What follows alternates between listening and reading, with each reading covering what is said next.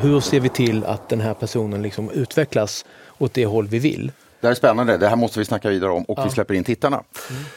Hörni, fönster mot medievärlden slår upp för sista gången det här årtiondet. Vad säger ni om det? Det här kräver naturligtvis ett försök till summering. Så, vilken var den största nyhetsstoryn 2019? Och hur bevakades den i medierna? Om det kommer vår mediepanel att prata naturligtvis och säkert diskutera. Och sen måste vi naturligtvis prata om tv-kriget mellan TV4 och Comhem. Eller är det egentligen ett telekomkrig mellan Telia och Tele2? Vad handlar den här konflikten egentligen om? Dessutom får vi en rapport från Björn Jeffrey i San Francisco där han kollat närmare på två Facebook-nyheter den här veckan eh, som också faktiskt har bäring på det stora i USA, riksrätten eh, och amerikansk mediepolitik. Ni kommer få ihop det om ni kollar på det. Jag vet inte hur ni tänker, men hade jag varit ni, ja, då hade jag naturligtvis tittat på det här. Men först ska vi hit. Han drog över Atlanten för att få fart på digitaliseringen av Kanadas största tidning, Toronto Star, och ett 80-tal tidningar till i koncernen Torstar. Nu är han tillbaka vid sin läst kan man säga, som redaktionell koncernchef för Schibsted. Jag säger varmt välkommen hem och hit, Fredrik Karén. Tusen tack, kul att vara här. Du, eh, vi går rakt på sak här. Du har jobbat med Toronto Star, mm. som kan beskrivas som, eller är Kanadas största tidning. Mm. Kanadas New York Times typ. Mm. Vad har du gjort där?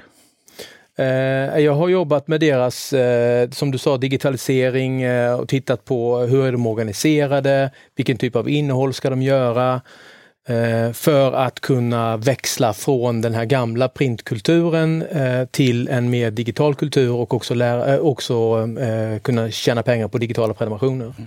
Vad var det som gjorde att de, de sökte liksom inte bara land och rike kring utan över hela jorden och sa han Fredrik ska vi ha?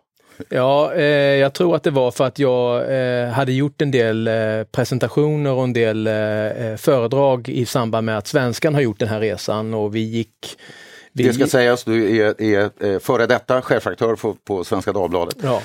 Eh, och vi jobbade med algoritmer och vi automatiserade en del av, av det vi höll på med och vi blev ganska framgångsrika i prenumer digitala prenumerationer. Mm. Och det, det, skrevs en del om det i uh, utländsk press och jag tror att det var så de hittade mig. Mm.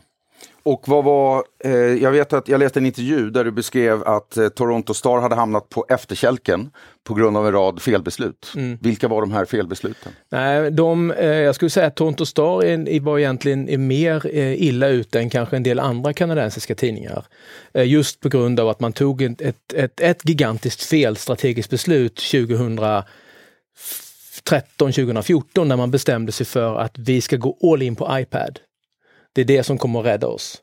Uh, och då åkte man upp till Montreal där det fanns en franskspråkig tidning som heter La Presse som hade gjort en, en, en teknisk lösning för att publicera på iPad. Uh, och uh, det var många tidningar över världen som var och tittade på La Presse, men det var ingen som nappade förutom Toronto Star. Så de plöjde ner ungefär 250 miljoner kronor i de det projektet. De gick all in på en device? Yes, uh, och trodde att det skulle rädda dem. och den tog de, det innehållet, så de tog över deras tekniklösning, anställde 60 journalister som bara skulle jobba med iPad. Designers, alla möjliga. Fantastisk produkt Eh, som skulle vara 100% annonsfinansierad. De tog inte betalt för den. Eh, och det gick käpprätt åt skogen. Så de körde den i två år och sen la de ner den eh, och under tiden så gjorde man ingenting i den, i den övriga digitala utvecklingen. Så man satsade, gjorde ingenting på mobilen, ingenting på webben, ingenting i den övriga organisationen. Så att när de hade kommit ur det där eh, blödande projektet så, så var de liksom två, tre år efter alla andra. Du hade tuffa mål vet jag när du kom dit. Eh, du skulle typ femdubbla antalet digitala prenumeranter. Ja. Vad var det första du gjorde? Hur, hur gör man det? Det första jag gjorde var att, eh, att eh, sätta upp mål för alla de här redaktionerna. Eh, det är ju Toronto Stars som var den självklara liksom, stora stjärnan eh, och sen, fanns det, sen finns det sex stycken dagstidningar till runt om utanför Toronto och sen ett antal, eh, ett 80-tal endagarstidningar. Så vi satte upp mål, så varje redaktion fick jobba med fem övergripande mål. Och det hade de aldrig gjort förut. De hade aldrig jobbat med mål på redaktionen. Eh, och då handlade det alltifrån, allt, allt, alltifrån hur vi eh, ska sälja då. Vi hade som mål 30 000 prenumeranter, digitala prenumeranter. Eh, hur, ska, hur kan din redaktion eh, hjälpa till och driva det målet. Eh, till sidvisningar, till lojalitet, till lokala journalistiska mål, att man vill bli mer innovativ i, hur vi, i, i vårt idéarbete kring hur vi, hur vi jobbar med innehållet, till vi vill jobba mer med undersökande journalistik. Hur ska vi göra det? Så det fanns, och sen följde vi det varje månad. Och ni, har ni nått den i målen? Ja, de kommer att nå 30 000 digitala prenumeranter. Eh, och när jag kom så var det fem, så mm. det är bra. Eh, det, var, det är en bra positiv utveckling på den sidan. Så där, sen, hjälp, sen kommer inte det eh, hjälpa dem finansiellt. Eh, de kommer behöva göra mycket, mycket mer, men, men det är åtminstone en bra start. Om vi ser på det kanadensiska medielandskapet eh, i stort, för det där är ju det är ett stort, stort land, 30 000 prenumeranter, låter inte mycket om du jämför med Svenska Dagbladet eller Dagens Nyheter till exempel, Nej. som är ju långt däröver, mm. ett par hundratusen kanske. Mm. Eh, hur ser det kanadensiska medielandskapet, vad, är typ, vad, är, vad utmärker det kanadensiska medielandskapet? Nej, eh, för det första, till skillnad från eh, USA så har man ett urstarkt public service som heter CBC, som är den totalt dominerande eh, nyhetsförmedlaren online. De är liksom nummer ett på alla plattformar, mobilt och, webb. De får också sälja annonser, plus att de får då ett, ett statligt anslag varje år. Eh, så det, där har du då en, en, en, väldigt stark konkurrent till de kommersiella medierna. Eh, konstigt nog, till skillnad från i Sverige, så finns inte riktigt debatten som vi ser här mellan lokalmedia och public service på det sättet. Hur kommer det sig? Har, är det någon föremål för jag, jag politik från det, Trudeau? Eller vad? Det, det, är väldigt, det har varit väldigt CBC är en så otroligt självklar del av det kanadensiska samhället så att de kommersiella medierna ger sig inte på det och vill inte kritisera det. Sen är det också Trudeau Eh, älskar public service. Och eh, eh, de höjde anslagen nu med ett par procent. Men de har gjort en rad andra saker också? De har gjort en rad andra saker som är jätteintressanta ur ett svenskt perspektiv också. Och nu den första januari 2020 så rullar man ut tre initiativ som eh, ska rädda då, eh, eller åtminstone hjälpa till att rädda den kanadensiska journalistiken. Eh, först, det första är att man får eh, subventionerade prenumerationer så att privatpersoner har rätt att, att, dra av sin tidningsprenumeration i deklarationen, både om man väljer en digital eller en traditionell printprenumeration. Eh, det andra är att man går ut och finansierar 150 journalister. Staten finansierar 150 journalister? 150 journalister över hela landet som mediehusen får ansöka om. Eh, och det gäller då för att täcka det som man kallar för news deserts, som vi i Sverige säger vita fläckar och också eh, områden som inte är så välbevakade, alltså ursprungsbefolkning, social justice-frågor. Eh, så då går Torstar och andra mediehus ut och ansöker om att vi vill, vi vill placera två journalister i Nova Scotia eh, och vi vill ha, eh, vi kommer att bevaka indigenous ursprungsfrågor, vi kommer att skriva om det här.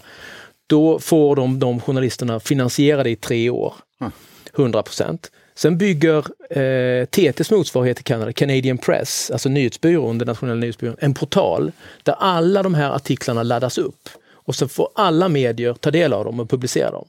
Så det är inte en exklusiv publicering i en tidning, utan det är till för alla. Så det, och den tredje som kanske är mest kontroversiell är att staten går in och finansierar befintliga journalistlöner på mediehusen. Så det är en att, oerhört kraftfull mediepolitik får man säga. Ja, det, det, får man säga. Men det är också för att de är så illa ute. De är ju i ett mycket, mycket sämre skick än vad vi är i, i Sverige och Europa. Du, jag tänkte om vi tar oss hem till Sverige. Eh, du kommer ju tillbaks, eller du har just kommit hem från, från Kanada. Du kommer nu eh, till en ny tjänst eh, mm. som redaktionell koncernchef i Schibsted. Vad eh, är det första du kommer ta tag i i Schibsted? Där finns, eh, vi, vi pratar om det just nu. Det finns ju en rad olika saker som vi kommer att titta på. Och min roll är ju att, att jobba med samarbeten över redaktionerna. Mm. och jag, jag, jag, kommer att ta mig an det ungefär på samma sätt som jag gjorde i Kanada. Det att jag, jag kommer att, att driva projekt kanske på Aftenposten i Norge. Blir det ett, ett, ett framgångsrikt koncept så kommer vi att ta det till Sverige. Det finns några saker som är ganska eh, uppenbara, till exempel i Aftenposten väldigt, väldigt duktiga på event. Eh, otroligt framgångsrika event och de har hittat ett sätt att, att skala dem där. Det, det, skulle vi kunna använda på Svenska Dagbladet till exempel. Eh, sen, sen kommer vi titta på hur gör vi med all vår featurejournalistik i Schibsted? All vår mat, all vår eh, hälsa, all vår resa. Behöver vi producera det i varje, på varje redaktion eller mm. kan det finnas bättre sätt för oss, enklare sätt? Jag menar, ett köttbullsrecept är ett köttbullsrecept. Oavsett, Oavsett var den är producerat ja. Så, så kan man använda det på det, jag förstår. Du, en, en kärna här är ju betald journalistik. Det verkar ju som annonsaffären liksom driver ut till, till eh, globala internetjättar ur ett svenskt medieperspektiv. Vad är skillnaden egentligen på betald journalistik och annonsfinansierad journalistik? Uh, en bra fråga. Uh, det jag tycker man har, jag har lärt mig i alla fall under de här åren är att, att betald journalistik är, uh, det, det, det, det, ska vara mer genomarbetat. det ska vara mer relevant, kanske mer fördjupande och Eh, och, och tajmingen är viktig. I liksom, när publicerar du det? Hur paketerar du det? Om du blickar ut lite grann, nu kommer du till, till en av Sveriges två stora då, eh, mediekoncerner, Schibsted, eller tillbaks till Schibsted. Om du tittar ordentligt framåt, hur ser tidningslandskapet, eller det vi brukade känna som tidningslandskapet ut om tio år? Vi tar i nu så att du kan säga ja. vad som helst. Ja. Utan att de eh, frågar om fem jag, år? Jag tror, att, jag tror att vi kommer att se, eh, och det har det pratats om länge men inte så mycket har skett. Jag tror att vi kommer att få se en ganska, stor, eh, en ganska omfattande konsolidering av den svenska tidningsmarknaden. Jag tror inte vi kommer att ha Konsolidera en form av ägande, ägande eller ja. titlar som läggs ner går ihop? Ja, en del titlar kommer att försvinna men vi kommer att se, det kanske, och nu gissar jag väldigt utan att veta, men det kanske är Bonnier och Schibsted som äger eh, tidnings, tidningshusen i Sverige. Eh, och sen, sen är ju den kärnfrågan tror jag kommer att bli, hur gör vi med distributionen? Alltså distributionen av papperstidningarna är ju det som kommer att antingen fälla eller, eller eh, eh generera nya intäkter till, till tidningarna. Eh, för menar, äger du ett distributionsnät i dessa e-handeltider, Amazon kommer in, då, då har du en ganska bra affär. Eh, och kan Bonnier och Schibsted kanske liksom göra det tillsammans, eh, då har du ett rikstäckande distributionsnät som är intressant. Vi får se om ja, den se. Eh, framtidsvisionen slår in. Eh, inte omöjligt påstår jag, men tusen tack och välkommen hem eh, Fredrik Karén. Vi ska vidare till veckans medienyheter som låter så här. Kring 300 journalistjobb har försvunnit under 2019. Det visar beräkningar som tidningen Journalisten har gjort. Orsaken är bland annat att de krisdrabbade koncernerna Stampen, Mittmedia och Sörmlands Media har sålts under året, medan 24 Sverige, Allingsås Tidning och Sveagruppen har gått i konkurs. Samtidigt lades gratistidningen Metro och Östra Småland Nyheterna ner. Stefan Åsberg blir Sveriges Televisions nya USA-korrespondent efter årsskiftet.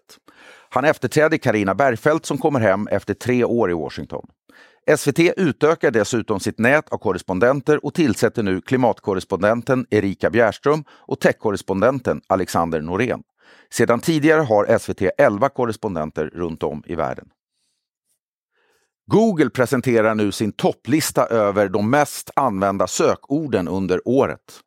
Det finns stora nyhetshändelser som branden i Notre Dame, sportevenemang som hockey-VM, men också sökningar kring dokumentären Älska mig för den jag är om Josefin Nilsson.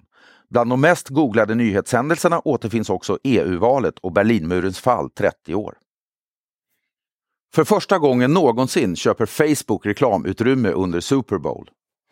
I reklamfilmen dyker bland annat skådespelarna Sylvester Stallone och Chris Rock upp. Facebook har under de senaste åren ökat sin marknadsföring kraftigt från att i princip knappt ha annonserat alls. Enligt Adweek la Facebook 2,4 miljarder dollar på försäljning och marknadsföring bara under årets tredje kvartal.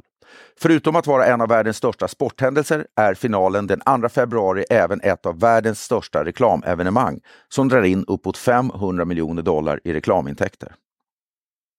En åttaåring från Texas som öppnar leksaksförpackningar är den mest betalda Youtube-profilen just nu. Det är så kallad unboxing.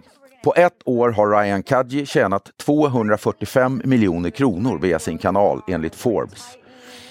Siffrorna omfattar juli 2018 till juni 2019. Youtube-kanalen Ryans World skapades 2015 av Kadjis föräldrar. Den har nära 23 miljoner prenumeranter. Oj hörni, varmt välkomna säger jag till panelen och ni fattar, vi är i slutet på året så vi toppar laget. Varmt välkommen Eva Hamilton, före detta VD för Sveriges Television. Varmt välkommen också Jörgen Wittfeldt, chefredaktör för Kvartal. Tackar. Eh, hörni, jag tänkte vi måste börja i den här veckans ostridigt största eh, mediastory. fighten mellan Comhem och TV4 eller om det möjligen är mellan Tele2 och eh, Telia. Eh, ingen av oss kan ha hela bilden naturligtvis, men vad är er uppfattning? Vad handlar den här fighten egentligen om? Det handlar om framtiden eftersom alla är överens om att tittandet på vanlig tv kommer att minska till förmån för TV4 Play och för Simor. Och hela affären med Telia handlar ju om att Simor ska växa och man ska betala för allt det fina innehållet, precis som man betalar för Netflix. Vem ska ha rätt att, att tjäna pengar på det här då? Ja, Telia såklart, eftersom de nu har köpt TV4. Men Telia måste nu dela med, enligt EU-kommissionen har sagt när de godkände affären, ni måste dela med en annan teleoperatör. Och vem ska det då vara? Och då säger Tele2 direkt, det är vi, det är vi, det är vi. Eh, och då så säger TV4 faktiskt korrekt att vi kan inte dela ut den här, vi måste ha en auktion med er allihopa. Vi kan inte liksom genast börja gynna er för då kommer EU bli förbannade på oss. Men sen accelererar det här och hela det här grälet blir jätteoffentligt. Och, och det liksom börjar grävas vallgravar nu. Och i slutändan så kommer TV4 att ta stryk. Därför att om det nu är bara två teleoperatörer, vilka det nu blir vid sidan av Telia, som ska distribuera TV4s digitala TV4 Play och, eh, och Simor så kommer det bli en minskad räckvidd för fyran. Och minskad räckvidd, färre som har möjlighet att titta, betyder minskad makt och minskat intryck. Mm en utmärkt pedagogisk förklaring av, av den här. Delar du den bilden? Är det det här jag, jag är, är, inte man nog att överpröva det som Eva säger om det här. Däremot så tycker jag det är intressant att uh, det statliga ägandet i svensk media är så stort med tanke på att uh, Telia ju är ägt till, vad är det, 38 procent av staten. Mm. Så då är Telia också egentligen inne i alla tv, precis som Janne Scherman skrev i Dagens Media tror jag det var, i alla stora etermedier. Den dominerande radioaktören, dominerande tv-aktörerna med TV4 och SVT. Det, är, det var en ögonöppnare för mig. Sen hur det spelar in i den här konflikten, det vet jag inte. Hörrni, jag tänkte vi skulle lyssna på eh, Kasten Almqvists egna förklaring till den här fighten. Den låter så här. Det är ungefär som att de skulle i relation till Netflix be att få klippa ut The Crown eller i förhållande till HBO få klippa ut Game of Thrones och visa det i en egen tjänst. Eh, och förutom att det är en huvudlös tanke förstås så är det också någonting som eh, man är lite nyfiken på vad de tycker är värt att betala för. Och svaret har varit, vi vill inte betala någonting för det. Ja, så där förklarar Kasten det. Och hade jag varit reporter här så hade jag ställt en följdfråga som, hade, som jag nu ställer till er. Gör det. Eh, ni har problem med Comhem eh, enligt det sätt du beskriver, men ni gör ju precis samma sak med Apple. Varför får Apple göra det här men inte Comhem? Det vill säga klippa loss innehållet och lägga det i ett eget gränssnitt. Ja, och jag är inte Kasten så jag tänker inte Nej. svara på det. Jag kan bara säga att jag tycker inte heller att det där var Kastens bästa framträdande. Han har haft några bättre. Vad som jag ty tycker är lite besvärligt i det här, är på Tele2-sidan då, om vi ska vara, att de är så politiskt naiva. Att eh, Anders Svensson som är väl vd för eh, Tele2, va? Anders Nilsson. Nilsson. Eh, han börjar med att säga, men han börjar skrika till alla politikerna, kom och gör, lägger i och uttalar och, och, och liksom blandar i det här. Eh, och då, det tycker jag är en politisk naivitet, för det är någonting jag tycker man har lärt sig med åren är att det här skulle vara ministerstyre. Skulle politikerna gå in i det här nu och börja greja så skulle de vara gravt, skulle, de skulle åka på konstitutionsutskottet direkt. Eh, de äger för övrigt inte majoriteten i Telia utan bara 38 procent. Så där tycker jag var naivt, naivt och klantigt av honom och då fick han det liksom på en nivå där tonläget mellan Kasten och eh, Tele2, alltså Anders Nilsson, är bäddar för att det här blir en långvarig strid. Hur slutar den Jörgen? Eh, det lär i alla fall sluta med att Comhems kunder kommer se TV4 förr eller senare. Eh, jag har svårt att avgöra vem som har bäst kort på hand faktiskt. Eh, kanske kommer politikerna tvingas på något sätt att göra någonting, även om du eh, är rädd för det. Vad de kan göra är att sälja sin andel i Telia, men det mm. kommer inte göra någon skillnad i det här. Det här är en klassisk fight, det här vi kommer se flera sådana här. Det här handlar mindre om att staten äger en del av Telia. Det gör att det är en extra pikant, men själva liksom, striden handlar inte om det. Makt och pengar då?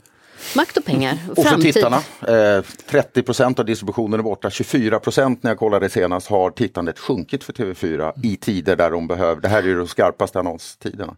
Och samtidigt så blir vi ju nu översköljda av erbjudandet att få Simor gratis i en månad. De, mm. alltså det kan ju, de, de bäddar ju för framtiden så att vi, de får väldigt många nya prenumeranter på Simor just nu. Mm. Och det så. behöver de. Så är det. Nej, men det är bara att se hur man beter sig själv. Vi, eh, vi bor temporärt någon annanstans än hemma och då brydde vi oss inte ens om att dra in någon vanlig tv. Utan det funkar jättebra med, med stream bara. Och det är ju en risk som TV4 också tar om inte deras playtjänst blir bättre än vad den är idag.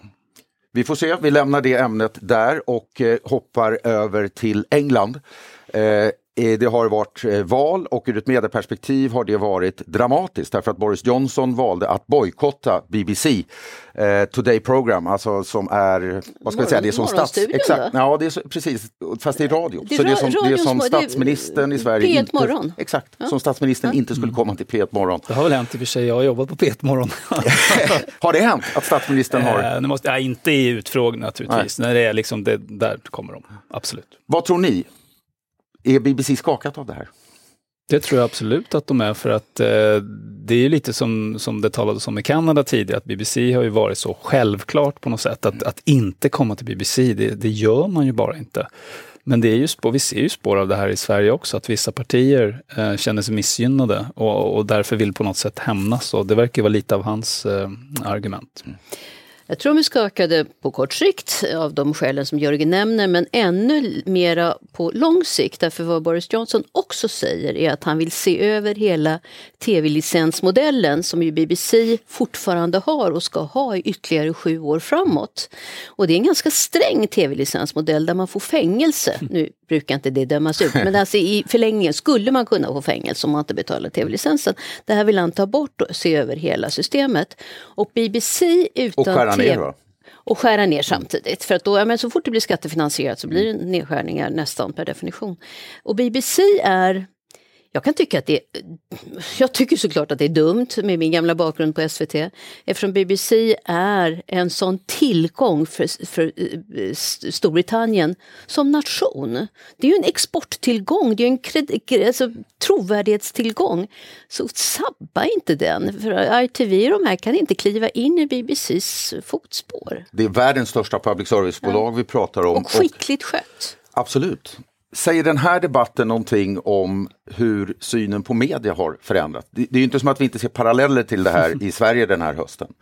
Jag har varit förvånad över att BBC kunde dra hem det här nya, som det var då, tioåriga avtalet om fortsatt tv-licensfinansiering tv-licensfinansiering eftersom de andra public service-bolagen i Europa har tappat en efter en. Eh, det är klart att det är en förändring, men det, när, när, men det är också, skulle jag säga, en sorts oskuldsfullhet eller okunskap hos politikerna för vad de gör är bara att de, ger ytterligare utrymme för Facebook och den här typen av sociala medier att diktera nyhetsflödet och det tjänar de inte på. Ser du några paralleller Jörgen? Vi har Sverigedemokraterna i Sverige som vill införa en ökad statlig kontroll vid ett eh, vetenskapsråd som man kallar det. Ökad redaktionell kontroll och vi har Kristdemokraterna och Moderaterna som vill smalna av public service. Är det samma tankegods som vi ser i Storbritannien? Ja, det skulle jag säga. Och sen, det, absolut. Och sen väcker det också en intressant fråga om, är man som politiker skyldig att ställa upp någonstans överhuvudtaget? Eller tänker vi oss att man i demokratin ska straffas då i så fall för att man inte ställer upp? Han framstår ju som feg, som inte vågar bli utfrågad av BBC. Eh, Men väljarna straffade honom ju inte tvärtom.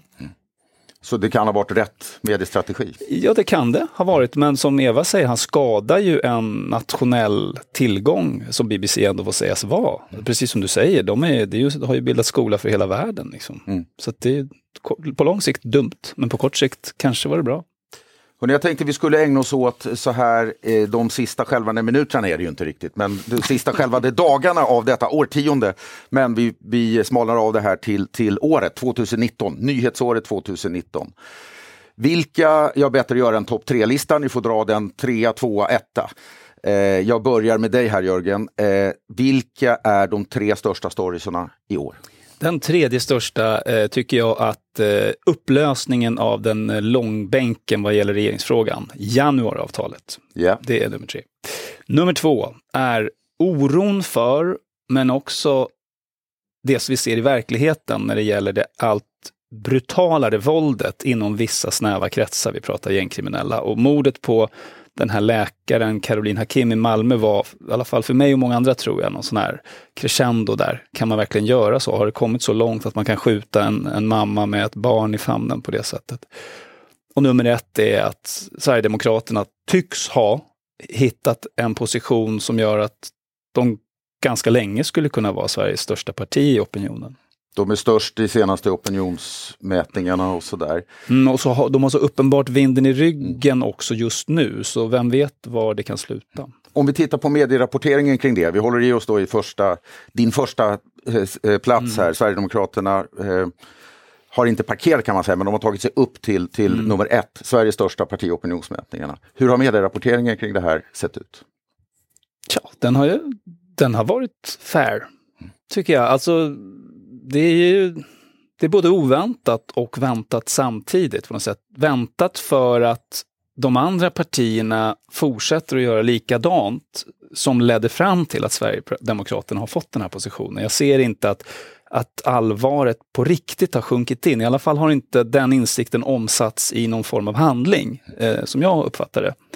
Eh, men medierna, där tycker jag att man har gett det den, den plats som det förtjänar. Det är omvälvande med tanke på vilken roll socialdemokratin har haft i uppbyggnaden av Sverige och ja, så länge jag har levat varit den dominerande kraften. Sverigedemokraterna är också ett parti som har en mediesyn som de ofta ger uttryck för som i vart fall delvis är besläktad med det du hör från Donald Trump eller från Boris Johnson i, i England. Har det här spelat roll?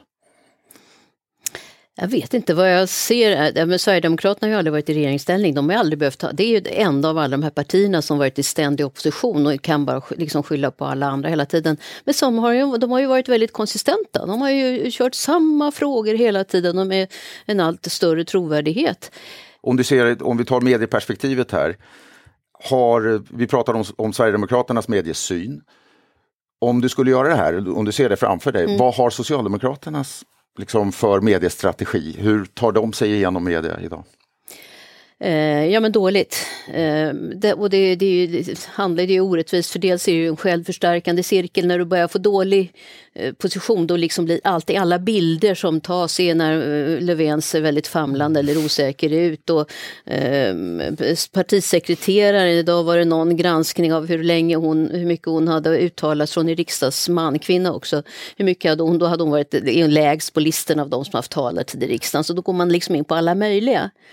Du nickar där Jörgen, håller du med? Är det så det blir media förstärker liksom. Absolut, sådan är medielogiken. Jag, tänk, jag har tänkt ofta på det där med bilderna just, mm. att när någon har medvind, nu är det Jimmy, då är det ganska fördelaktiga bilder. Han ler, han ser ut som en vinnare. Och Löfven, precis som du säger, då ser ut som en förlorare. Så att det blir ju förstär, det förstärks ju av medielogiken, skulle jag säga. Sen är ju inte Löfven, han är en utomordentligt bra person, tycker jag personligen. Jag tycker en reko man det där.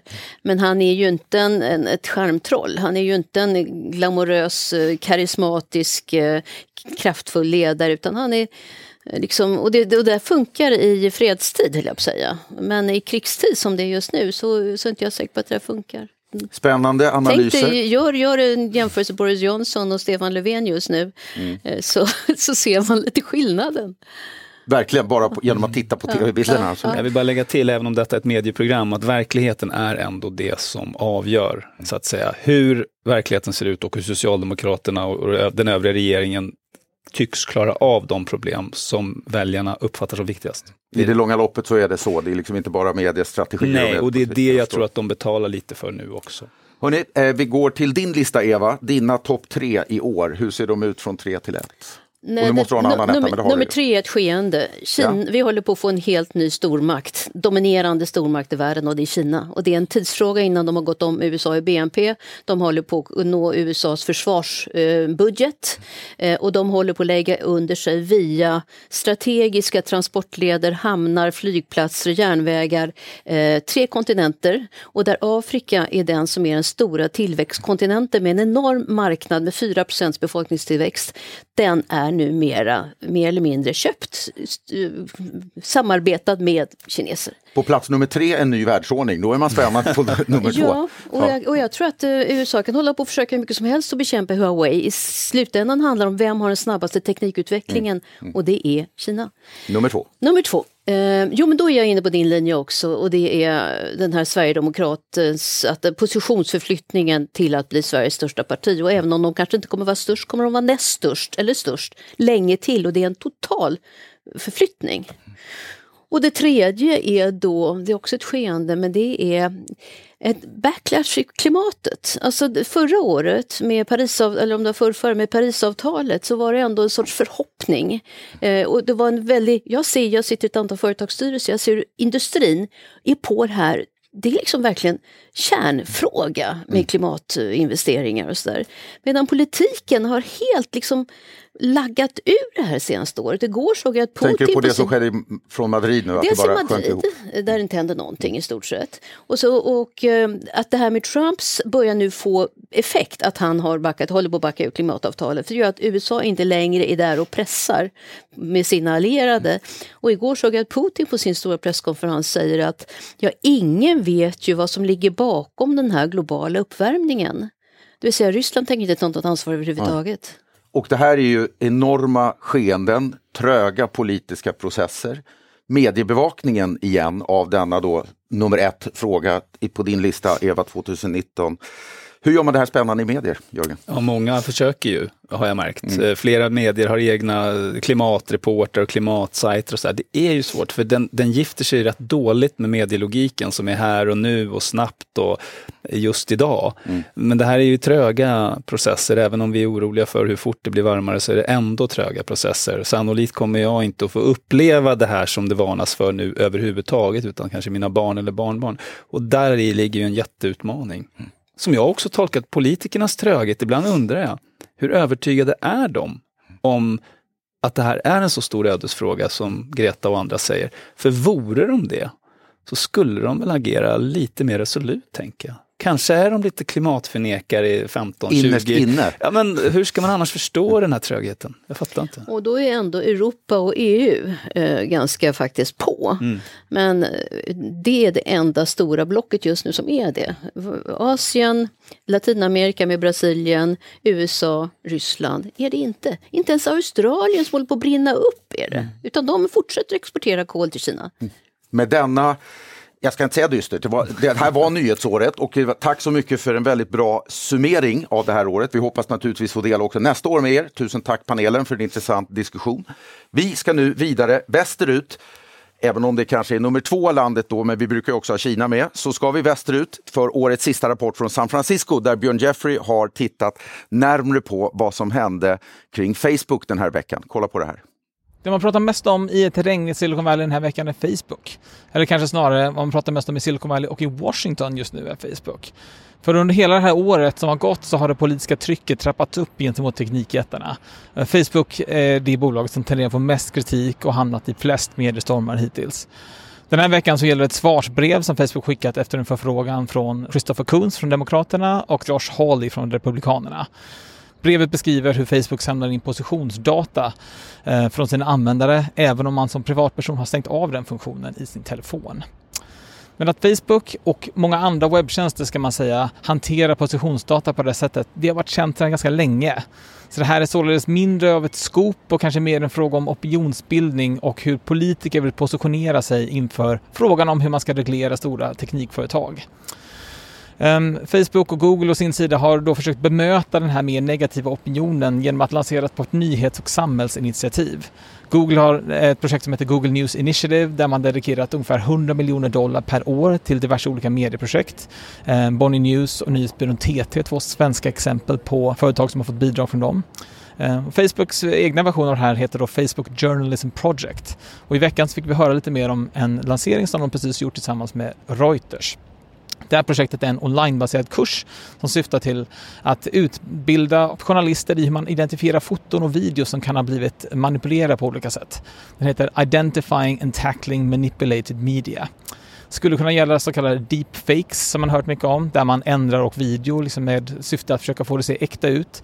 Men även rena faktauppgifter eller som har manipulerats för att sprida osanningar eller desinformation på olika vis. Kursen är gratis och kommer även att lansera sin svensk version. Här i USA har vi en extremt polariserad tillvaro just nu. Um, vi står inför riksrätt av president Donald Trump. Men frågan om reglering av teknikföretag är faktiskt någonting som förenar de här två partierna. Och oavsett vilken president vi har vid det här laget så tror jag att det här kommer vara en fråga som kommer leva kvar i de politiska rummen under väldigt många år framöver.